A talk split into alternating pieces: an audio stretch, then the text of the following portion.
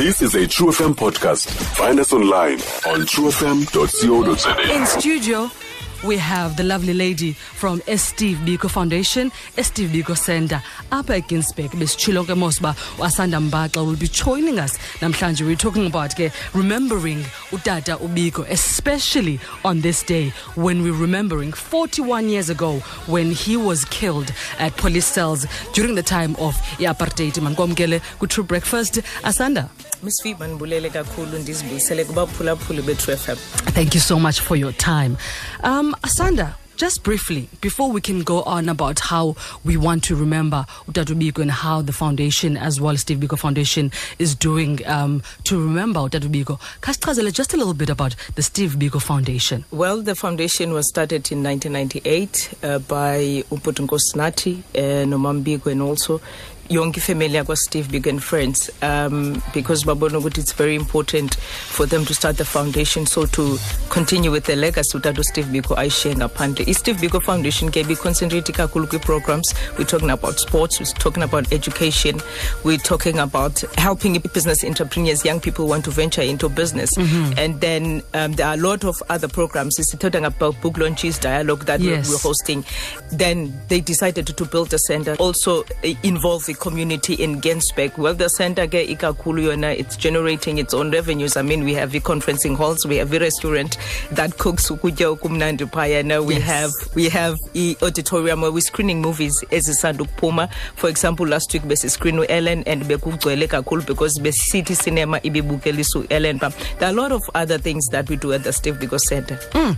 Um, would you say then having the foundation and having the center as well, especially up at Ginsberg, is one of those things that are keeping in memory Katatu Steve Biko and what he stood for alive? Yes, because we housing a permanent exhibition. Apho si abantu xa bengena phayana we we take them through. I mean, they get to learn about the history of abantu abafana notatu Tiyo Soga, eh, leading to Otatu Nelson Mandela, Robert Sobukwe, to Steve Biko. So abantu babuyiselwa back in terms of who they are and where they're coming from. hmm Let's talk about today, 12th of September. We did our day in history and we were saying that 41 years ago, um, Utatu Steve Biko was incarcerated and wamenhandlishwa waphathwa kakubi kabuhlungu kakhulu um, eziseleni um, till it happened that ngolu bemtorturisha ngayo waphela esweleka. Yes. You know, what is the foundation then doing today and Steve Biko Center as well? We don't want to say commemorate because it's not something that we want to, you know, we're not rejoicing about, but to remember and not forget. What are we doing today?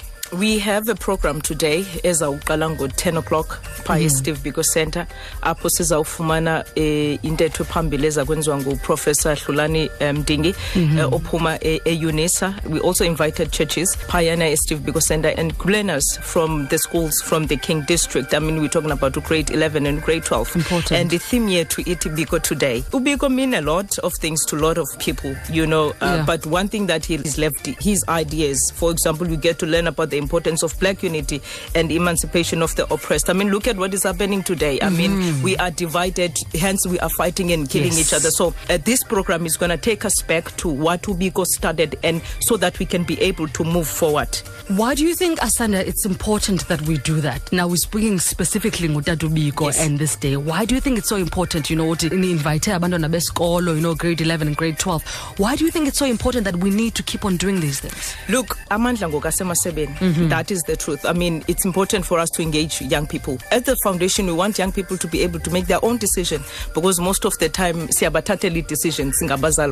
We want them to engage so that they can come up with decision and also by influence the decision makers. Mm-hmm. Ukuthi, this is what we want to see in South Africa. Sithi kubo, we want you guys to be the change that you want to see. It gotta start with you as an true. individual That's to true. be the change that you want to see. We want them to say this is wrong, this is right.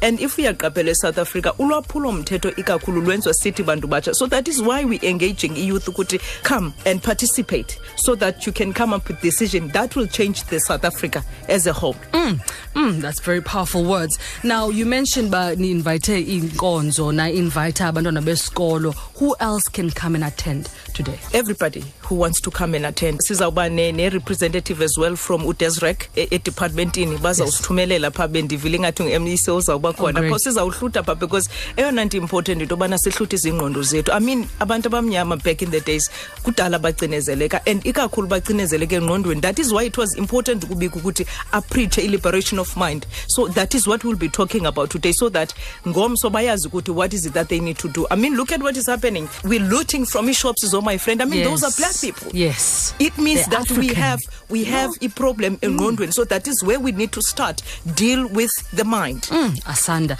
you uvule yami ingqondo ngoku. Now okugqibela before I let you go, Asanda, you know, what would you advise? Use Steve Biko every day you are living within the memory that Steve Biko.